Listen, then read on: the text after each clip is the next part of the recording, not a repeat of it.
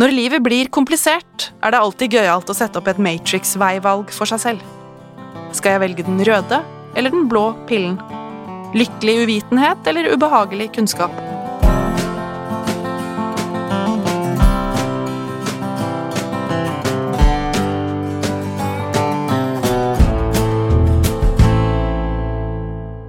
Denne artikkelen sto på trykk i Ren mat nummer 46. Den er skrevet av Erik Rød og lest inn av Kjersti Skar Storvik. Husdyrparadokset Pulitzer-vinner og forfatter av boka Våpen, pest og stål, Jared Diamond, elsker å fortelle oss om utviklingen av menneskelige samfunnsnormer. Særlig viser han hvor skjøre disse konstruksjonene er, og hvor ubevisste vi er om begrensningene som finnes. Ofte er jordbrukskulturen en indikator for sivilisasjonenes startpunkt og oppblomstring, men også en betydelig årsak til dets ulykker og fall. I Kollaps fra 2004 spår han vår sivilisasjons undergang innen 40 år. Er estimatet hans riktig, vil vi bare ha drøye 20 gode år igjen, mon det. Mange mener at Diamond er en uetterrettelig, gammel grinebiter som krisemaksimerer og skaper unødig frykt. Like fullt peker han på paradoksene ved våre levevis og vår matproduksjon, slike som har fått forne samfunn til å vandre inn i glemselen. Et slikt eksempel er de norrøne bosetningene på Grønland, som etter 500 år rett og slett ble borte i polartåka. Etter at Eirik Raude, ingen kjent familiær tilknytning til artikkelskribenten, hadde kommet i skade for å drepe litt for mange feil folk i Norge og på Island, havnet han i fredløshet. Han reetablerte seg på den grønne øya vest for Island. Grønland hadde på den tiden nemlig mye mer vegetasjon enn den har i dag. Fordi det i en periode var et par grader høyere gjennomsnittstemperaturer over hele den nordlige halvkule. Utfordringen for Raude og folkene hans var at de tolket den grønlandske naturen å være omtrent som den de kjente fra Skandinavia. Her var jo rent vann og frodige enger så langt øyet kunne se, et paradis for beitedyr og andre former for landbruk. Det er funnet ruiner av over 400 gårdsanlegg fra sørspissen til midten oppe på vestkysten av øya. Det de ikke kunne vite, da det ennå var 960 år til Jared Diamond skulle skrive om det, var at naturens regenererende evne gikk mye langsommere enn i Skandinavia og Europa ellers. Det handler om hvor raskt naturen restituerer seg etter inngrep, som beiting og tråkking fra gris og beitedyr gir, om tempo i de biologiske nedbrytnings- og gjenoppbyggingsprosessene. Golfstrømmen gir ikke samme effekt når den treffer Grønland som lenger øst. Det grønlandske landskapet var mye skjørere enn bosetterne var klar over, og det skulle bare en liten klimatisk sving nedover på temperaturskalaen til før situasjonen ble fatal. Vekstsesongen ble kortere, engene ga mindre næring, beitedyra ble færre, menneskene mistet livsgrunnlaget. Det siste utenomverdenen fikk høre fra bosetningene på Grønland, var ryktene om et bryllup i 1408. Deretter ble det stille. Hva kan vi lære av denne historien? Diamond er ikke redd for å lansere oppklarende hypoteser, og mange av dem er omdiskuterte. Selv liker jeg godt hvordan han ser for seg at menneskenes husdyrhold startet. I den fruktbare halvmåne som stakk seg fra dagens Iran, nordover mot Tyrkia og sørover til Israel gjennom Syria og Libanon. Se for deg menneskestammene som for rundt 10 000 år siden har begynt å bli bofaste her i det paradisiske deltaet mellom Eufrat og Tigris. De har funnet fordelene ved å velge ut de største og beste mutasjonene av noen typer gressfrø, og sår frøene i felt utenfor bosettingen. Ved å påføre plantene reproduktivt stress, at de manipulerer planten til å øke antall frø på hvert aks, økes stadig avkastningen på investeringene. Øker i antall gjør også landsbybefolkningen, som igjen krever mer effektivt landbruk for å dekke større matbehov. Den forutsigbare tilgangen på lokalmat skaper økonomisk grunnlag for lokal administrasjon, som straks vedtar at det ikke er lov til å urinere hvor som helst, men på bestemte plasser utenfor husklyngen. De ville geitene begynner å trekke ned mot samlingen av bondegårdshus for å slikke i seg salt fra urinen. Salt er en livsviktig og sjelden vare mange steder, og geitene finner det derfor opportunt å holde seg rundt menneskebosetningene. Her starter et samarbeid som har vart siden da, med husdyr tilsynelatende underlagt menneskenes kontroll. Bøndene erfarer at ved å benytte samme taktikk som på plantene, så kaster også dyra stadig mer av seg. Regenerativt stress gir måneder med tilgang på melk fra kyr, geiter, sau og hest. Høner som legger egg hver eneste dag. Ved å skille mor og barn tidlig fikk dyra flere levedyktige avkom, som betød mer kjøtt og fiber. Menneskene tegnet altså en kontrakt med dyra. I bytte mot beskyttelse fra sult, sykdom og rovdyr fikk vi proteiner, fett og fiber tilbake. Det filosofiske spørsmålet er om det er vi som har domestisert dyra, eller om det er dyra som har domestisert oss. Den diskusjonen lar vi ligge nå. Menneskeheten har nå funnet suksessformelen og gønner på med stadig større byer, flere folk og mer agrikultur. Korn og kjøtt kan holde liv i flere kemnere, prester og soldater, men friksjonspunktene blir også flere. Krigen om ressursene i Midtøsten pågår på det titusende året, og det virker nesten som om ingen legger merke til at de nå kriger om et område som mest av alt er blitt til ørken. Hvordan kunne det gå så galt? Det åpenbare svaret er at naturen tilbyr oss en viss bæreevne og klare begrensninger. Det er bare så mye næring i grasstrå, og så mange grasstrå på ei tue, og så mange tuer på et beite. Når det er for mange kuer på dette beitet, spiser de i stykker sitt eget næringsgrunnlag, og så må de vandre videre for å finne grønnere enger et annet sted. Står gjerdet i veien for migrasjonen, så blir kuene magrere og kalvene færre. Det er enkel matte, og den har like stor gyldighet på et lite småbruk som i store jordbrukslandskaper, ja, til og med på kontinentnivå. Vår moderne sivilisasjon har tilsynelatende funnet løsninger på naturens utfordringer. Vi sier la oss løfte kua helt ut av naturens regnestykker og holde dem innendørs. Det kan gjøres som rene straffekolonier, uten tanke for eller sympati med de levende skapningene vi har med å gjøre, eller med mer lempe og sympati med dyra. Det er gode argumenter for å mime naturlige forhold med avansert teknikk som dagslyslengde, luftkvalitet og erstatninger for naturlige miljøer inne i fjøsanlegg. Likevel er ofte drivkraften for bonden snarere å øke produksjonen av kjøtt, melk og egg enn å gjøre dyra gladere. At maten skal være billig er et klart krav fra storsamfunnet, og så å si all tilrettelegging fra landbruksmyndighetene premierer stor og effektiv matproduksjon. Enhver husdyrbonde kjenner derfor godt til labyrintene av paradokser de prøver å ikke gå seg vill i. Tilgjengelig forskning kan godt gi deg ryggdekning for hvert eneste alternativ du faller ned på, så her er liten trøst å hente. Hvor mange dyr skal jeg ha i fjøset?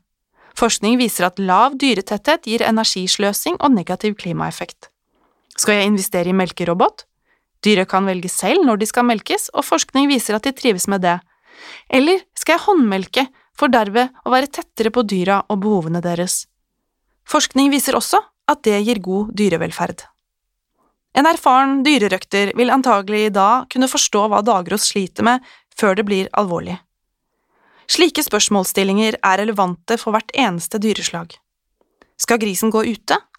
Den kan plukke opp parasitter og bli syk, men virker å finne glede i å rote rundt i jorda med trynegrevet.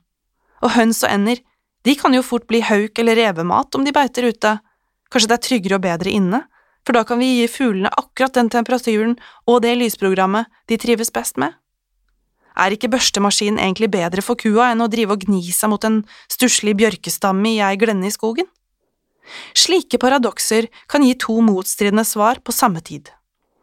Ved å gjøre dyra trygge for naturlige farer, vil de som regel også produsere mer mat til oss. Er den økte produksjonen et tegn på at dyret har god velferd? Eller har vi vekket et reproduktivt stress som skader dyret? Hva slags genmateriale lar vi dyret reprodusere, hvor de kanskje ikke lenger er i stand til å vegre seg mot rovdyr i det fri? Er relasjonen mellom bonden og innekua en vinn-vinn-situasjon for begge, eller mest av alt et vikarierende motiv for å produsere mer? Vi hermer eggtyvene i naturen ved å la et samlebånd røve egget så snart det er lagt. Dermed begynner høna å forberede et nytt egg til neste soloppgang i lysprogrammet. Det regenerative stresset gir oss nok, eller i disse dager med overproduksjon i Norge så altfor altfor mange egg, men prisen betales av dyret selv. Ei høne bør kunne leve i minst fire–fem år, men tas av dage etter 18 måneder, da den er fullstendig utkjørt og fysisk nedbrutt av eggligging og regenerativt stress. Fjørdrakta er ikke lenger noe å sprade rundt med, den har blitt glissen og stygg. For å få nok kalsium til å danne et nytt kalkskall sju dager i uka, i ett år, tærer høna på skjelett og fjørdrakt. Grisene sendes haleløse med slaktebilen. For stresset de kjenner ved å ikke kunne aktivisere seg nok, og ved å ikke kunne leve ut naturlig flokk- og rangorden, gir seg utslag i bite- og mobbekultur. Dyra er ikke stort bedre enn halvfulle folk i nattlige drosjekøer. Grensene for de mest absurde uttrykkene for moderne husdyrhold har vi antagelig ennå ikke sett. Men det er verdt å ta til seg at det ikke skaper opprør på dyras vegne når vi leser i nettoppslag at det nå bygges to grisefjøs i Kina som er 26 etasjer høye, såkalt pig scrapers. Snarere enn å rope og ta til gatene blir vi heller imponerte over hvor innovative vi mennesker er, samtidig som vi korser oss og håper at det ikke blir slik i Norge. Det skal sies at det i øystaten Singapore, med en befolkning tilsvarende Norges på arealet av kommunene Oslo og Bærum, nå bygges en earthscraper av tilsvarende dimensjoner, for mennesker. Et underjordisk hus som illuderer dagslysrytme og sesongvariasjoner på samme måte som moderne hønsehus gjør. Og hensikten er den samme – å få mennesker og dyr til å ikke gå på veggen i desperasjon og tristhet, slik at de fortsatt kan yte og produsere. Paradoksene gjelder slett ikke bare det konvensjonelle dyreholdet, selv om begrepet konvensjonell nå kan virke fullstendig tømt for sitt originale innhold. Jeg som skriver denne artikkelen, holder dyra for det meste utendørs, men det er slett ikke uten utfordringer. Grisen ødelegger og roter og tramper jorda hard, og det får negative konsekvenser for jordkvaliteten. Sist sommer hadde jeg sju griser ute på et stort beitefelt. Og selv om idyllen råder på en armlengdes avstand, og dyra helt klart har det konge, er det ikke grenser for hvor omfattende ugagn de har gjort. Det er ikke bare dyras velferd og egne ønsker om god nattesøvn som er drivkraften alene, men også at matråstoffene får bedre kvalitet og høyere pris i markedet. Så jeg er vel ikke stort bedre enn andre selv? En god venn forteller meg gjerne hver gang vi diskuterer dyrehold og paradoksene rundt det, at det beste hadde vært om grisen hadde fått påmontert nesering igjen. Slike er ikke sett andre steder enn i tegneseriene de siste 50 årene, men hensikten var å hindre grisen i å grave med trynet, fordi det ble for smertefullt. Oppsiden var at mange flere griser kunne få leve utendørs, et mer naturlig liv enn å aldri gjørmebade eller ligge i sola og dorme. Selv om nesering på gris både er ulovlig og for meg helt uaktuelt, så forstår jeg argumentet. Alle sider ved dyrehold kan testes ved å sette opp tilsvarende paradokser, og så må vi finne det viktigste verdivalget. For mange innebærer nettopp dette verdivalget at de velger å ikke spise kjøtt eller bruke fiber eller noe annet med animalsk opprinnelse. En bekjent påstod for noen tiår siden at han hadde sluttet å spise kjøtt for å ikke sympatisere med kvegbønder som beiter kuene i utkanten av Sahara-ørkenen, og derved gjør ørkenen større. Det er lett å le, men denne historien viser at vi fort tyr til logiske slutninger som er basert på ukunnskap og gale premisser. Det er gode eksempler på at nettopp nedleggelsen av det tradisjonelle beitedyrholdet øker arealet av ørkener. Årsaken er at beitedyr bidrar til å binde karbon til jordsmonnet snarere enn det motsatte. Alan Savory har i Zimbabwe og andre steder i verden også vist at prosessen kan reverseres ved å reintrodusere beitedyra, men på den rette måten. Som i mange andre saker er det i møte med den komplekse virkeligheten ofte fristende å ty til enkle løsninger. Vi som mener at vi har skjønt viktigheten av å spise og produsere økologisk, må gå noen ærlige runder med oss selv. Ideologibaserte produksjonsformer kan også skape miljøødeleggelser og dyretragedier hvis vi ikke forsøker å lære av historien om den norrøne grønlandsbosetningen. Hvor mange frilansgriser kan du holde i et setermiljø nær tregrensa på 61 grader nord uten at du skaper skader i terrenget som ikke leges på mange titalls år. En stor flokk griser i et myrterreng nær høyfjellet vil lett gi store karbonutslipp, og røffe og uforutsigbare værforhold kan like lett skape marerittforhold for dyra. At etterspørselen etter ekstra god juleribbe er stor nok, er ikke nødvendigvis et godt argument for å tilfredsstille den. Derimot må naturens evne til å kunne bære produksjonen styre valgene våre, både i kort og langt perspektiv. Når livet blir komplisert, er det alltid gøyalt å sette opp et Matrix-veivalg for seg selv. Skal jeg velge den røde eller den blå pillen? Lykkelig uvitenhet eller ubehagelig kunnskap? Det er likevel fundamentalt viktig å spørre seg om hva som er viktig for dyra vi forvalter. Vil du spise kjøtt, må noen avlive dyret for deg om du ikke har mage til å gjøre det selv. Bonden må på selvstendig grunnlag gjøre gode valg på vegne av dyra sine, matråstoffet han skal bringe til torgs, og sin egen velferd og samvittighet også. Du som spiser, slipper heller ikke unna å forsøke å sette deg inn i vanskelige paradokser og gjøre noen verdivalg. Billigprotein, fett og fiber kommer, etter all sannsynlighet, ikke fra et sted hvor man tar seg råd til god dyre- og menneskeetikk og budbringere som Jared Diamond kan snart puste lettet ut. Han ble født i 1937 og vil etter all sannsynlighet slippe å stå til ansvar for dommedagsprofetien sin.